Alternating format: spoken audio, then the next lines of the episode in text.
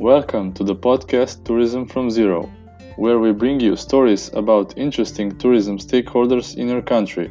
My name is Rudy Medved, and I am accompanied by guests who share their exciting tourism experiences of how they moved tourism from zero to hero.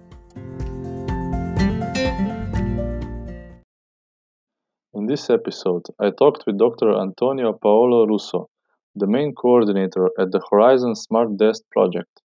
Gives us professional insight on how tourism is shaping the communities that we live in.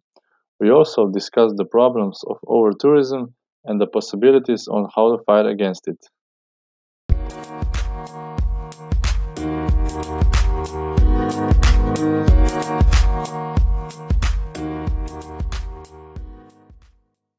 Hello, Dr. Russo. Hello, Rudi. Nice to meet you. Nice to meet you too, and welcome to the podcast. Thanks. Thanks for inviting me. Thank you. Uh, for start, I would like to uh, ask you if you could tell us a little bit about yourself. Okay. Um, I am Italian. Uh, I live in uh, in Spain, in Catalonia, since uh, 2003, and I have been working in the last uh, 14 years at the University of Rovira Virgili, which is the University of Tarragona. That is where I am really living now. I am a member of the Department of uh, Geography uh, at my university. Uh, I have a, actually have a PhD in economics, but then I went to work with geographers for the rest of my career. Uh, currently, I am the director of the PhD program in tourism and leisure at our university, and I am a member of a research group that is called Territorial Analysis and Tourism Studies. So, my focus uh, and of my uh, my research group uh, is on the territorial impacts and effects of tourism. we also study the organization of tourism at uh, local level, local tourist systems, uh, the evolution of that. Uh, we study issues of governance of tourist destinations. Uh, and uh, in the last uh, few years, we have a very strong focus on tourist mobilities and the way in which tourism mobilities shape territories and places and societies. So this is a little bit about myself. A little bit, yeah. I'm sure we will cover uh, some uh, other activities as well mm-hmm. during our talk. Yeah. Uh, so yeah, about the tourism mobilities, um, mm. I would like to ask you about the SMARTDEST project, uh, which yes. also our faculty is included in. Um, yeah. If you could tell us a little bit more about it.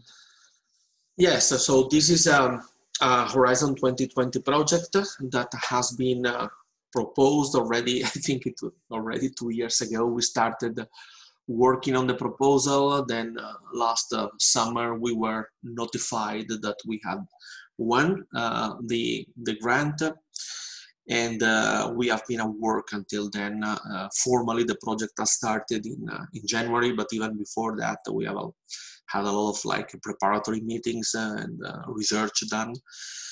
So the ambition of this project um, was uh, to, uh, to, to study at, at European level. Uh, what until now I think has been mainly studied in relation with specific case studies and in a very contextualized way, which is uh, the way in which uh, the mobility systems uh, of people, Uh, of which uh, we uh, conceive that tourist mobilities is not only an important part, but also sort of like a, a, a, metaphorically one of the most interesting uh, areas uh, of, uh, of mobility to look at in the sense of its novelty respect to how we have traditionally understood the mobility of society.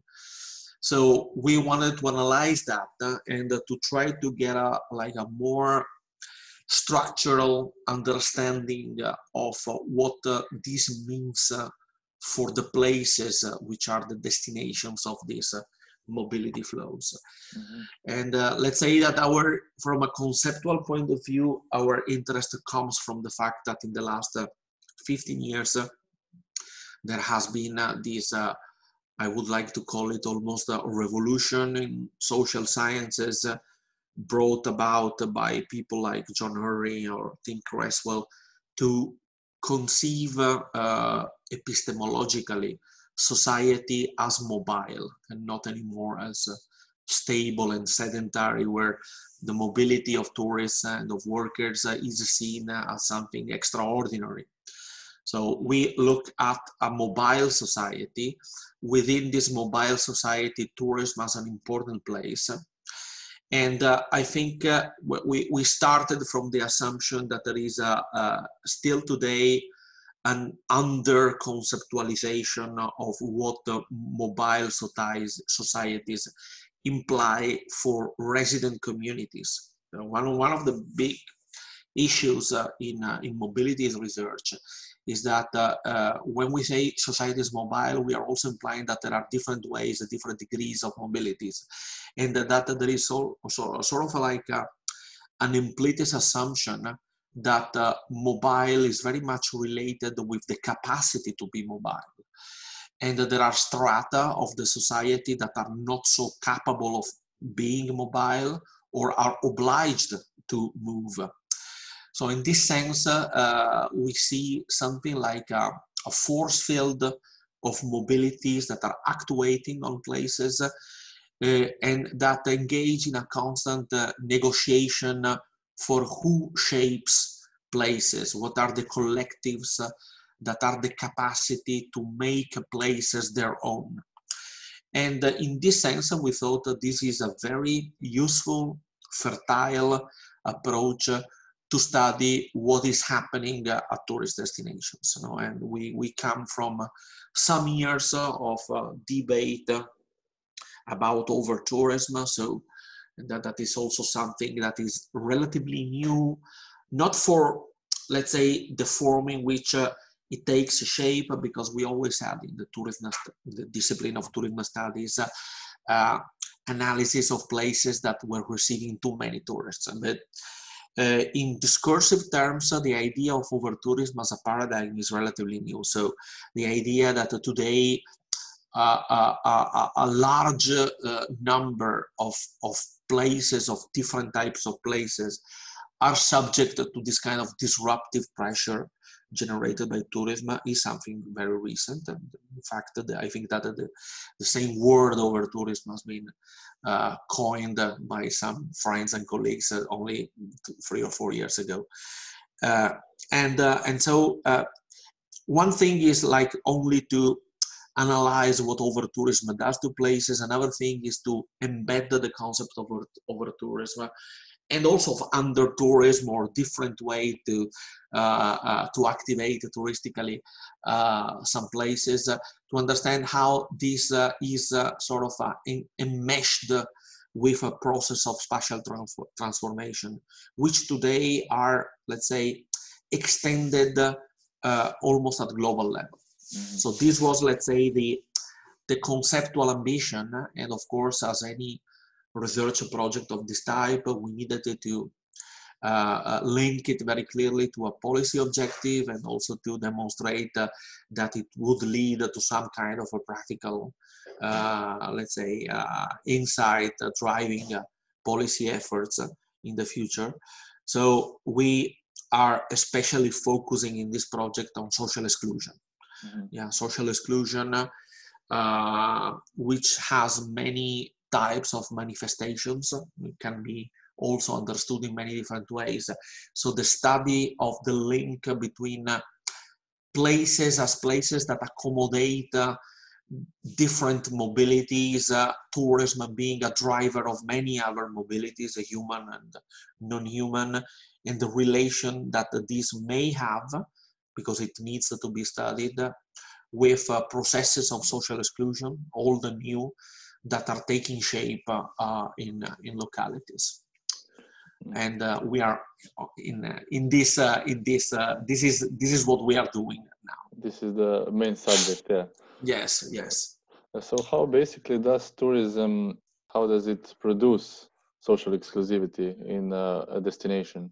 Yeah, well, there are many, let's say, angles uh, in which you can uh, you you can you can study this, you can understand this and study this. Uh, there is a, if you want, a, a, sort of a material physical layer, which is the fact that the tourists and the tourism industry occupy space, uh, physical space, and uh, to some extent, uh, this occupation this, of space uh, is uh, resituating, uh, even from a physical perspective, uh, the resident communities. Yeah, we said also the resident communities as part of societies are are mobile or can be described and analyzed uh, looking at their mobility patterns. So we start from a very simple observation that is something that has been already analyzed even before this project that uh, places that uh, accommodate uh, large masses of, of mobile tourists mm -hmm.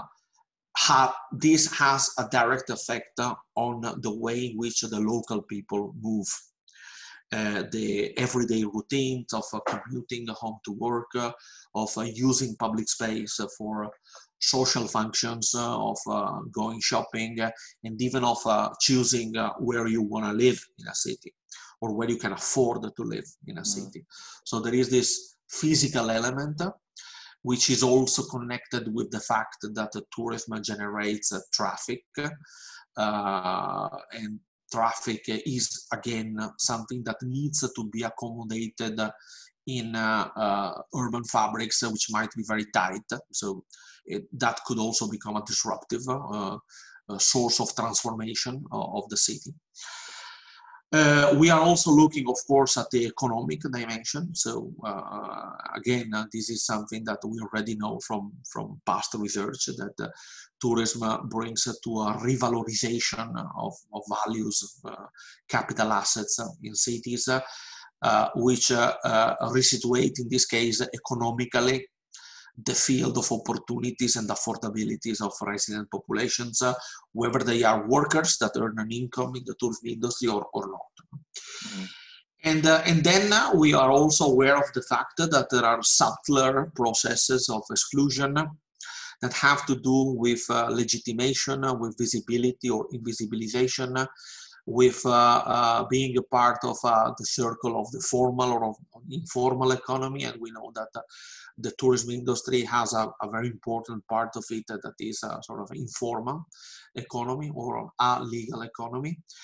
There is an important question about how I said before about housing. So the uh, the opportunities to live in the place where you work, even uh, which are not for everybody when the housing market is uh, distorted around the value of the of the visitor economy. There is an important issue of uh, uh, the transformation of the job market itself, and one of the important trends that we have seen emerging in the last few years uh, is an increasing uh, precarization, casualization of uh, employment relations in the tourism industry. Uh, so this is all, all, all, let's say, dimension at which we can understand these processes of transformation as negotiations between uh, uh, different types of mobile populations, uh, including the local community, where some are more powerful than others, some have more capacity to mold uh, the space uh, around their practices, their affordabilities, their desires, while others uh, are resituated, uh, marginalized many times, and uh, in this way excluded. And when we say the word exclusion, uh, we tend to think about uh, uh, something like being displaced by tourism. And this is mm-hmm. one of the dimensions of exclusion.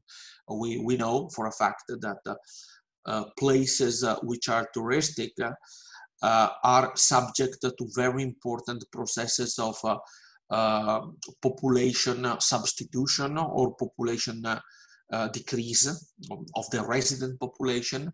But I think it's more interesting to think of it in terms of substitution. Uh, it is true that historical city centers that of tourist cities tend to lose population, but at the same time, they also gain populations uh, of uh, other types of uh, migrants that mm. choose to stay in places that are touristic. So again, there is a very so strong uh, interrelation between the mobility of tourists and the mobility of uh, lifestyle migrants or top layer workers in the in the job market. So these are all phenomena that that we are studying in our project. Yeah, of course, tourism has uh, has effect on our lives positively or negatively if we have it in our destinations. But here we're talking about a few destinations, of course, who face these issues. Like uh, which were the most critical in Europe, let's say, well, but the, one of the big assumption of this project is that uh, it is uh, by any means uh, something that is only happening uh, in a few places. Because uh, as I said before, if over tourism come to be called over tourism uh, in, in the terms that it's being used by the literature, it, we are talking about a, very large number of places which are undergoing this kind of processes to, to different degrees. Uh, we were used to think that the, the disruptions uh, generated by tourism were only in very few types of places uh, that are highly attractive uh, and that uh, are like uh, relatively small or, or, or, or, rigid mm-hmm. in terms of urban morphology. Um, yeah. But if we extend uh, in scale if we look at what is happening within the large metropolitan cities uh, of Europe, uh, if we look at uh, uh, coastal areas uh, around the Mediterranean, if we look at small heritage towns throughout Europe in the east and in the west, we realize that these phenomena are happening everywhere. Now, as you rightly say, the tourism is also a, a generator of prosperity, and we have been studying uh, uh, for a long time uh, the benefits generated by tourism and how to, uh, from a policy perspective, uh, boost uh, these benefits and mm-hmm. even using the framework of sustainability, being able to, to, to, to redistribute the wealth generated by tourism throughout society. But we have not been talking a lot in research about the costs and certainly uh, the policy uh, domain around tourism has um, not as totally neglected the, the social side of the costs generated by tourism. But the, let's say that the, the, the, the reaction of the public opinion worldwide uh, on the disruption generated by tourism, even in places which are socially quite powerful. I'm thinking to cities like uh, New York or San Francisco in the US or London or Paris in Europe, uh, make us think uh, that today it is impossible to circumscribe uh, this question to the usual few places. This is something that is happening everywhere. And if it's not happening now, it will happen in the near future if the trends of uh, growth of mobility and of uh, deregulating uh, the, let's say, the system uh, by which these mobilities are dwelling and using uh, local spaces. if this continues like that, this will be a global question. No matter, let's say, what our, are our hotspot uh, of this discussion in this moment, or at least in the discussion we had uh, before COVID, because this is another very important uh, game changer to that uh, to that respect. So in our case, in our project, uh, we do engage uh, with a number of case studies because this is a way in which you can gain much more, let's say, nuanced and sophisticated insights that you couldn't have with a pan-European analysis. But uh, we are aware of the fact that these case studies need to speak uh, about uh, more general phenomena. So we have selected our case studies because they are, each one of them, representative of some of the trends uh, and also some of the policy responses that we are looking at with a certain interest. Our mm, final uh, uh, objective is uh, to generalize uh, the knowledge that we gain from this analysis at case study level to a whole set of classes of places in Europe. So uh, yeah, you would definitely have to need to present these solutions uh, which you find yes. or the uh, insights to the to the basic to the stakeholders that are in charge, of course, in the destination. Yeah. So let's say uh, if we are an emerging destination and tourism uh-huh. destination, so we don't have a lot of tourism, but we want to have. Uh, what strategy strategy would you think uh, apart from the fact that I think that Slovenia has a lot of tourists for its size yeah. uh, in the coastal areas, at least. Yeah. Uh, we, we, are looking now at the first, uh, let's say, the first uh, steps of our analysis, where we are looking at the European regions. We see regions that uh, 10 years ago were considered emergent in the European context, especially in the southeast of the Mediterranean. Uh, um, so from from from the former Yugoslavian countries to, to Turkey and including Cyprus.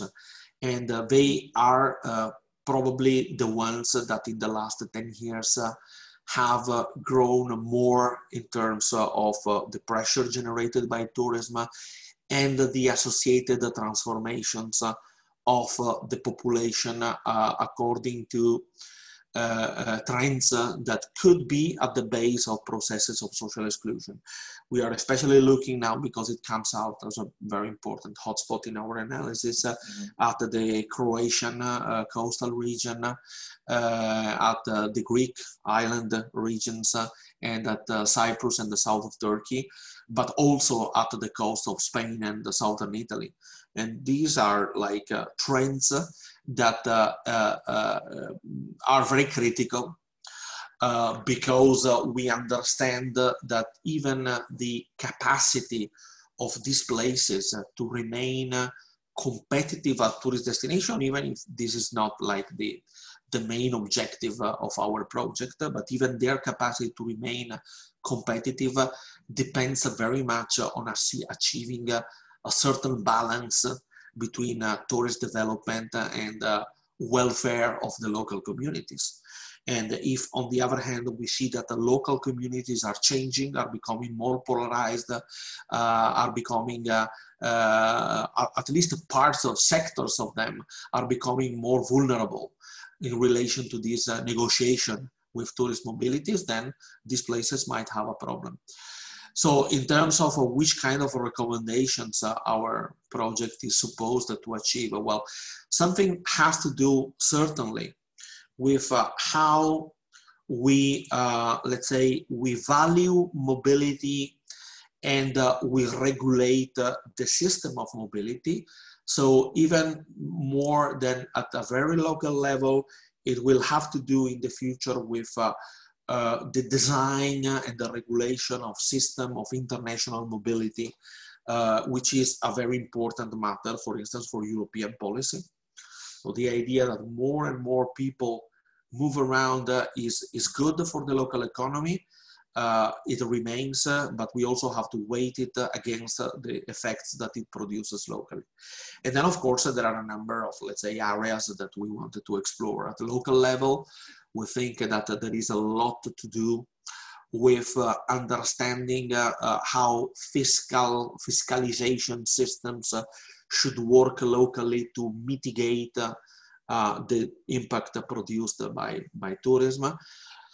But let's say that our main concern in our project is to mobilize the local community. So to make a local community aware of what they face and to give them the means, the knowledge, the tools uh, to be able to cope with these disruptions uh, in effective ways, in innovative ways. So uh, this is a project that looks very much at uh, social innovation, social innovation networks, uh, uh the use of uh, smart technology and smart systems for the sake of maintaining a certain level of social resilience in these places. So this is like part of what we want to do at the end of our project, towards the end of our project, to identify which are the best solutions uh, to tackle certain issues that we see emerging uh, at local level. Of course, yeah, because yeah, the most important is to really present it to the local people so they would understand it and uh, be yeah. be aware of it of course. Yes yeah yeah. And, probably uh, the main challenge a, as well. This is a part of our research process but let's say that we start even before that because when we will start to work at case study level which is something that we are doing in this moment uh, we are going to engage uh, with local community also as uh, co-creators of uh, the information that we need Mm-hmm. So we will work with them as informants, uh, as uh, observers, uh, as narrators of uh, what is going on uh, in their livelihoods. And uh, we, are, we are in the process of establishing this research framework, but this is our intention. Okay. Mm-hmm. And then these very people, these very organization, collectives, informants, will be involved in the process of design of effective solutions. Mm. Yeah, probably they, they should be the local people. They should be involved, yeah, in making yeah. decisions, of course, for for their destination.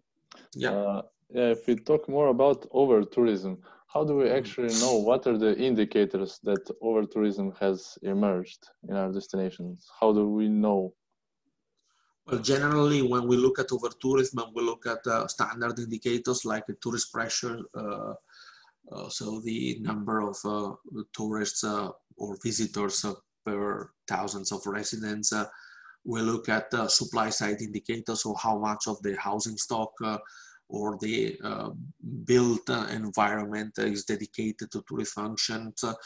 Uh, we look at concentration of tourism, seasonality of tourism, but then we also look uh, at indicators of transformations of the society. Uh, so uh, population change, uh, changes in the job market, uh, uh, emerging of different social demographic trends at local level, which might be related with over tourism as a driver. Mm-hmm. So over tourism is a driver of transformation. We are assuming that uh, the more concentrated the tourism activity is, uh, uh, the more pressing uh, uh, the visitor economy will be in terms of the transformation that it produces. But we also look at, at the effect of that. Right? So population change, population loss, uh, the uh, increase uh, of unstable and atypical job relations, the characteristics of the families that can that continue to live in uh, uh, tourist places compared to those that have been excluded from life in, in certain places that are very touristic.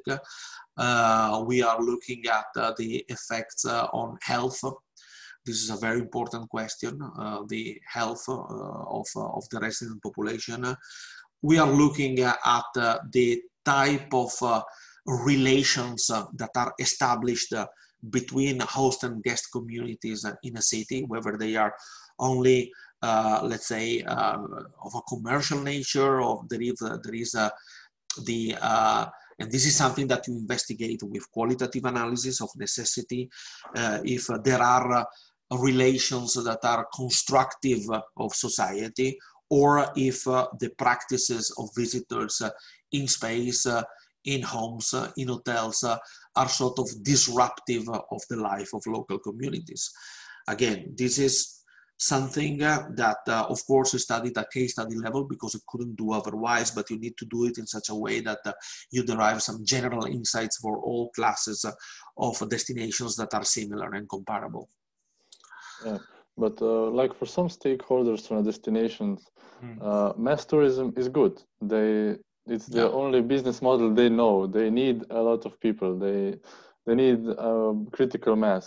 So yeah. how do we tackle that issue on our destination? Like we have a lot of hotel resorts or other stakeholders who want. Well, I would say there are there are two uh, two ways to uh, let's say to to to to to, to respond uh, to this. Uh, the first is to let them see that when disruptions occur, it also affects their own business so they should be the first ones uh, to be interested in uh, a sustainable pathway of development. Uh, I'm not using the word sustainable, not very happy to use it because it's, it's quite complex and ambiguous, but uh, they should be the first to realize that uh, when tourism becomes too much for a destination to continue to live in the way it has done in the past, uh, this will ultimately affect their capacity to compete.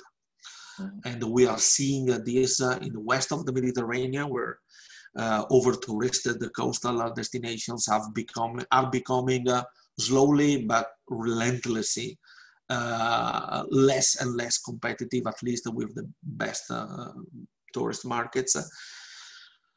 And then there is a, a let's say, a more overarching uh, argument which has to do with the role that the tourist has in the local economies uh, tourism is not the only economic sector and actually it has taken uh, probably much more weight, uh, much more, uh, let's say, occupation of local economy than it should because it is a sector which uh, uh, doesn't generate a lot of added value for local communities and is strongly exposed to crisis, to like the one that we are living now, to inflections in the uh, in the market uh, uh, to other disruptions that are threatening to take away from one year to the other its competitive edge.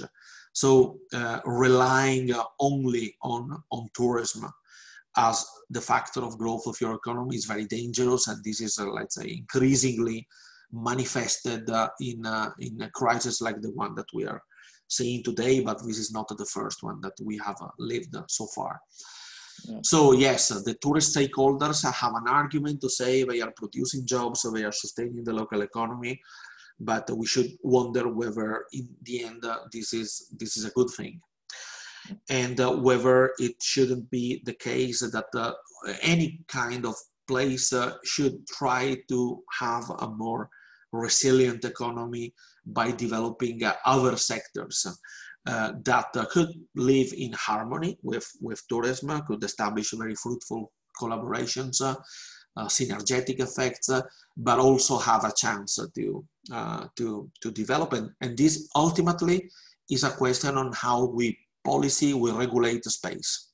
Now, if we let the tourism occupy any possible space, in our locality in terms of construction, in terms of mobility, in terms of uh, use of local resource system, and then we might have a problem in the long term.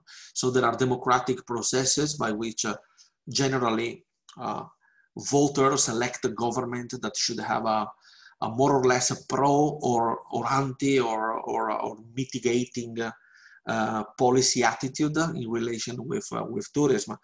But we also know that this is complex uh, because uh, precisely because uh, tourism is excluding sectors of the population. We face the issue that at least a part of the constituencies that elect the local governments uh, is there because they earn a salary from tourism. And those who are not earning a salary from tourism, they have already gone away they have already been excluded. This is very much the case in many of the more mature tourist destinations. So there is the risk that there is a sort of an endogenous processes of creating a, a sort of a excessive dependency on, uh, on tourism that needs to be tackled at superior levels of government, national policy or European policy. Actually, European policy talks very clearly with respect to other sectors about smart specialization and the need for the diversification of the economy. Well, I'm, I'm not sure that uh, with what we have been seeing in the last 20 years, we could call uh, becoming a monoculture in tourism, uh, call it a smart specialization. It's actually a quite a dumb specialization. So we're talking about uh, regulating the policies that should uh, state how many, let's say, let's say how many tourists can arrive at one destination so if we could regulate that that would be perfect of course if a city could say yes we would uh, we we can have as many tourists and not uh, one more. If is that yeah, possible? well, this is yeah, this is an approach that uh, in tourism studies we have from a long time. The question of carrying capacities. The problem is that we cannot know in principle what is the current capacity of a destination, even though this is a a concept that, that uh, uh, has undergone a lot of like a conceptual and uh, analytical revisions. So we could we could say, okay, this is the maximum number of visitors that we mm. could have, but then to enforce uh, these maximum numbers is, I would say, almost impossible. So it is not possible and not even desirable today to say we can have uh, 1 million visitors and uh, we will not let, let uh, in our destination number 1 million plus one. Mm -hmm. This is not something that we can do. So we need to act on, on other levels. And uh, one of the levels that are more potential to, to work in this sense of limiting, uh, let's say, the tourist function of a place uh, up to a maximum which is compatible with uh, the mitigation of the disruptive impact of tourism would be to regulate supply. So we cannot regulate demand, but we mm -hmm. can say, okay, in this place, uh, there shouldn't be more than a thousand hotel beds and a uh, hundred apartments in the short rental market. Uh, a certain number of parking places for people who are not residents uh, and uh, the jobs uh, in the tourism industry should pay a minimum salary that is not dictated by the let's say the the the the, the, the conditions of employment in the tourist sector but by national laws. So if we could have that, uh, we, have, we would have at least, uh, let's say, a planning framework uh, that could mitigate the impacts of over-tourism knowing that it will not be perfect because people would be visiting places anyway, even if they wouldn't be able to use the local accommodation supply. Yeah. Uh, so we needed to be aware of that and uh, we needed to have a very complex uh, systems of regulation that work in different dimensions.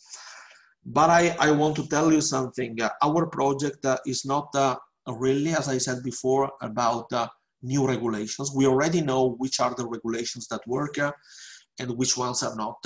and uh, we know that in many places that have in mind to enforce certain regulation, then they are not able to enforce them because the conflicts of interest uh, and the power of the tourist industry is so strong that eventually they are not able to do that. Politically, mm-hmm. is not is not viable as an option.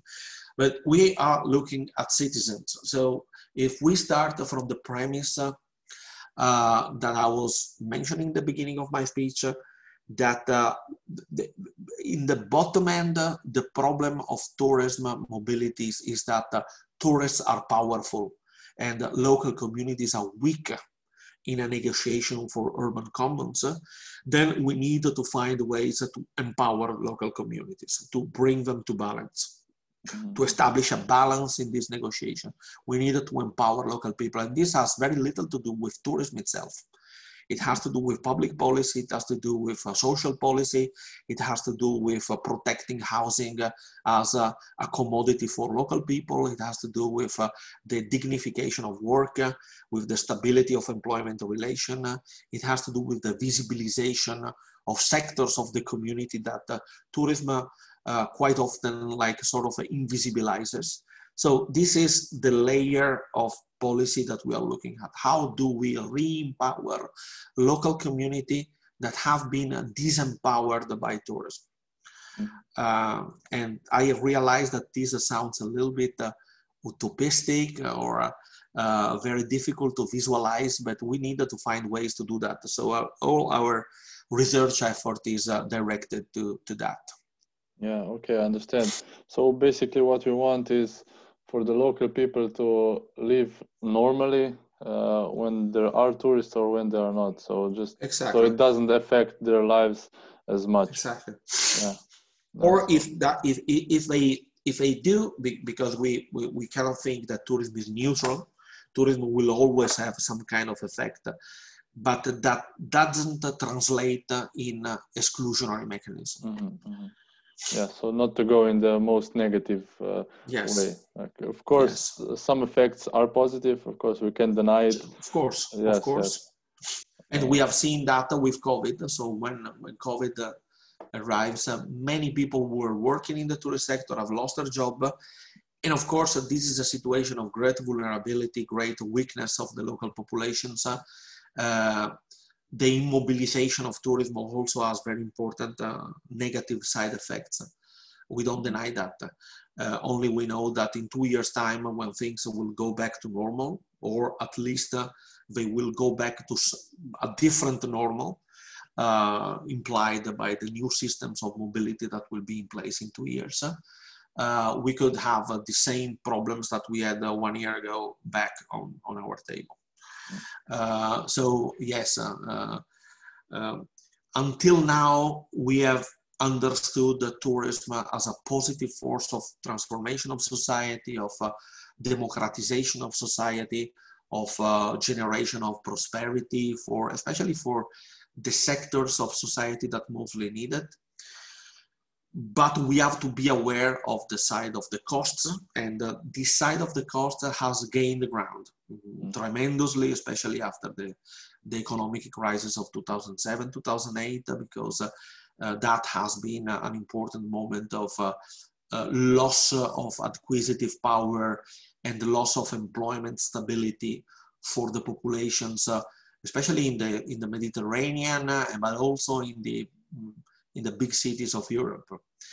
Uh, and from that moment on, uh, this negotiation has become even more skewed towards the power of, of the visitor. Right?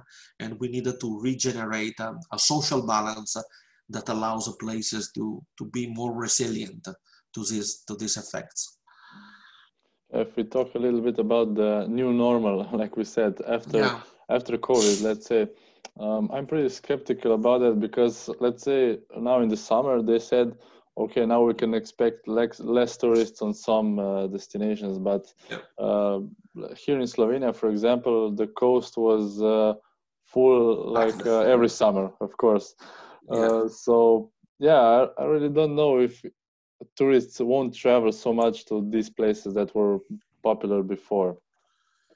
Well, the, we, have, we have been seeing a certain trends coming up. We have been seeing, for example, more reliance on domestic markets and proximity markets uh, to sort of cover for the loss of international tourism. There are some countries or some regions in Europe uh, which are helped by the fact that they are border regions, so they get uh, uh tourists uh, even from other countries independently of the fact that uh, the air traffic has been strongly disrupted. Uh, so some places have done better than others. Even in my region here in Catalonia, we see very important differences between uh, a destination that is like 85% depends on the international market, that is Barcelona, where this 85% has basically has been totally lost in the high season. Uh, and uh, other destination areas in Catalonia that are domestic destination and we have done better than the previous year this years because everybody was going there because it was possible to go there. So this is like the short term and how it has a little bit changed the, the uh, let's say the the perspective the competition perspective of different places in relation to their territorial context. The big question is what will happen uh, in the, in the near future. Uh, whether the, all those uh, uh, companies uh, and I'm thinking, for example, airlines and cruises uh, that have gone almost bankrupt this year will be able to recover and reestablish uh, their routes. Uh, there will be something, uh, uh, I mean, some commentators are saying, okay, this year we have COVID and next year we could have something else. Okay, so we, we have to be alert of the fact that uh, we might not be able to practice uh, mobility and practice places the same way we have been dying, doing uh, until now. And even when we get the vaccine, uh, before things uh, really can go to normal, even if there is no other virus coming up, uh, it will take some time. So yes, uh, some places didn't have that many that big impact from COVID. Other had a dramatic impact. I can tell you this summer I went to my hometown to Venice because that mm-hmm. is the only place where I could have gone for holidays, and I have never been. Uh, I never seen uh, Venice in the summer in the last uh, 40 years uh, so empty as it was this year, and it was amazing. It was the first time uh, in in decades that I was really enjoying my my city. But at the same time, we are aware of the fact that half of the Venetians are out of job this summer, and the situation economically is uh, is dramatic. So yeah, so we will see what the new normal is. Uh, uh there have been a lot of like uh, papers, uh, speculations, comments about, for example, what the next summer season will look like. of course, this can change from day to day, but the idea is uh, to invest uh, in what has uh, more cap invest in the promotion of the products that have more capacity to be independent from what will happen with international mobility, long haul uh, airport, uh, airplane mobility. So if you happen to be uh, a region close to the coast, go for your next national neighboring national market uh, uh, destinations in the interior uh, and the rural destination they sort of have have an advantage from the fact that they are not mass tourist destinations in general. So they can if you have a good regional or national policies to sort of promote inland areas you might come up with recovering a little bit the gaps left by by COVID in the more massified destinations, which is anyway something that we will have to look at in the future when things go back to normal as the standard way of uh, doing a tourist policy at the national and international level. So try to disperse the pressure away from the most massified destinations uh, through intelligent, smart uh, um, uh, uh promotional and product uh, development programs. Mm-hmm. So we should still expect more of the domestic traveling next year. Probably. Yes, uh, yes, of course. Even this Christmas, probably it will be totally, let's say, up to domestic market. Uh, if you try to book a, a hotel room and a flight uh, for some other country in this moment is practically impossible. I'm, yeah. I'm doing it myself. Uh, uh, anything I had booked in the last 12 months has been cancelled at the last moment or rescheduled. So it's really impossible today to make plans. And this uncertainty is really what impedes international travel. If you go in your in your own country, if you go with your own car, you know that more or less whatever happens, uh, you can come back easily. You can mm-hmm. adjust your your trip, uh, looking at the circumstances. Uh, even if there is no not a physical lockdown as we had uh, until May, but it's uh, it's the only way that people are expected to to move around in this moment. Yeah. Intercontinental travel is basically still impossible. Impossible to travel to the U.S. Impossible to travel to many Asian countries. Your airplane ticket it's not cancelled as it happens often. It's not that they are giving you the money back. It's, you're just like uh, invited to reschedule it to a later date. So I don't think that many people are willing to to go this way. Yeah, that is uh, that should be very positive for some countries, like uh, of course yeah. for some providers and for some yes. cities, uh, like for instance in Slovenia, mm-hmm. the whole eastern part of Slovenia should be or was actually yes. in summer more populated like they, they were happy of course yes because of that yes yes of course yeah yeah yeah, yeah. it yeah, is true so. yeah I, I know that uh, some uh, typical destination for uh, inland uh, heritage tourism in inland regions in italy had the same kind of uh, of trends uh, during the the summer now the, the the contingent situation in this moment is that we don't even know if there will be a new lockdown or not. Mm. If there is a lockdown, the whole thing is dead, of course, because people cannot physically uh, move from their municipality. Yeah, that's but like uh, if uh, okay, yeah, and here we are going in that direction. So the, here the idea was to save the summer season by uh, hardening uh, restrictions are now, so to flatten the curve. But I don't think it's really working until until this moment. So yes, uh, uh, the future is is what it is now. The, the big question, even intellectual question, is what will happen in the in the in, the future. uh, whether the mobility system will uh, recover as it was before the crisis or there will be important changes. So now, one of the debates uh, that we are having that is probably interesting for our project is whether the, there is going to be some sort of uh, ecological change in, uh, in the tourist value chain. Uh, not many uh, companies will survive this, this crisis at local level. And those that do survive, uh, they will have to make more with less, probably, at least mm. in the short, in the medium term. Yeah. Make more with less means uh, uh, increasing uh, their the quality of their products, fidelizing their clients, competing in excellence, uh, being able to uh, pay uh, their workers better so that they are also better workers that are provided to um, equipped to provide better services. Uh, so that that could really be like a turning point uh, in uh, the way in which the marketplace in tourism is producing inclusion or exclusion of local communities and workers. Uh, so yes, many people will be expelled from the tourist sector, many workers. They will have to find work in other sectors. So that is a, a potential for a, a, diversification of local economies uh, towards a more resilience. And at the same time, the tourist sector will have to do it better in order to maintain its competitive edge. So this is where we are finding ourselves. We don't really know how it will go. It could go bad in many ways, uh, but it could also be an unique opportunity to uh, uh, transform uh, a little bit in the right direction the way in which tourism works, the tourism economy works in cities as an engine of inclusion.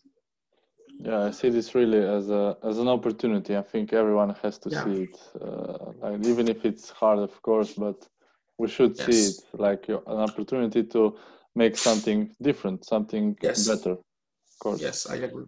And uh, that really brings me to my last question. Uh, you have mm-hmm. talked a lot about it on your idea how tourism should look like. Uh, we ask this uh, every guest, our every guest. Um, how do you think uh, tourism should start from zero, like uh, after the pandemic? What's your concrete idea? Uh, I think that the the biggest transformation that I envisage in into I don't think it will be that much different. Uh, tourism of the future will continue to be more or less what what we know the, I think that the only transformation that we, we, we um, has an opportunity uh, uh, to, uh, to drive uh, the recovery of tourism is precisely this question of the, the, the policy implication and the politics of tourism at European scale. So it is okay to still continue seeing it uh, in sectorial terms as a, an economic sector that brings prosperity, that has the capacity to bring prosperity. And I repeat, the prosperity, especially for the places that need that kind of prosperity, because they have no opportunities with other sectors where value um, is, is much higher. But at the same time, policy has to be totally aware of the negative impacts uh, of the costs, uh, of the implications for a more or less cohesive uh, European society and, and, urban communities. And uh, I can make you an example of how, even from this point of view, the tide could be changing. So uh, I, I, I, don't like to always bring up this topic in my in my interviews, uh, but it sort of naturally comes out and uh, it's the question of Airbnb and the digital platform. So for sure, tourism rental. When Airbnb started, uh, there were very wide sectors of local communities uh, that said that were like uh, suddenly finding a new opportunity to extract a rent from their property. Mm-hmm.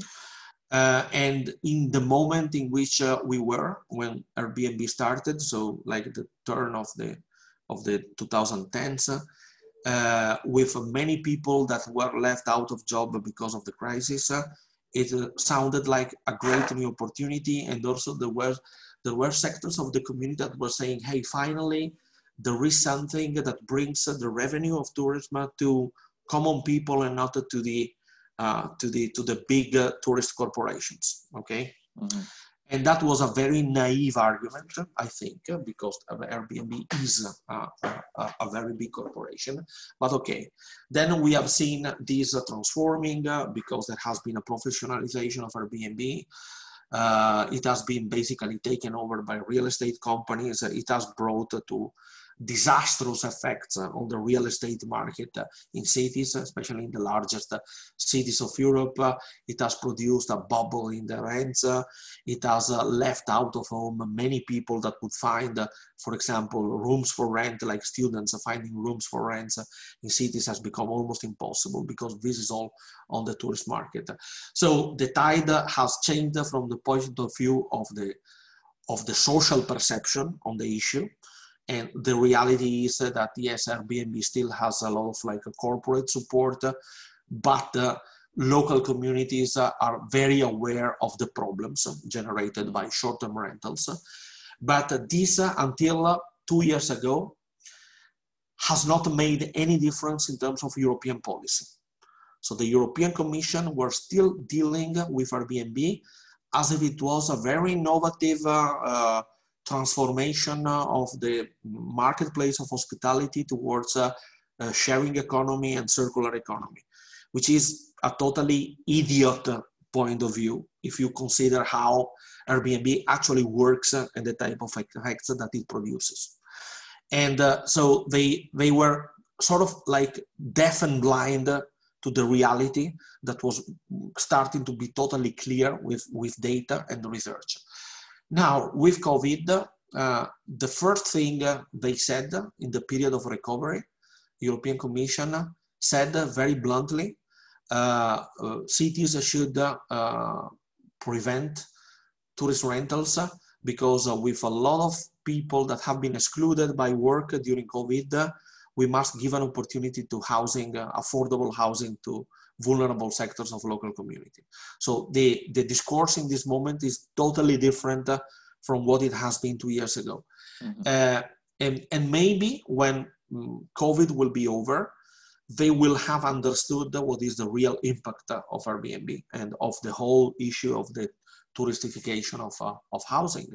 Something that is quite evident, but it didn't yet translate into a solid policy uh, uh, attitude or policy orientation by the international institution.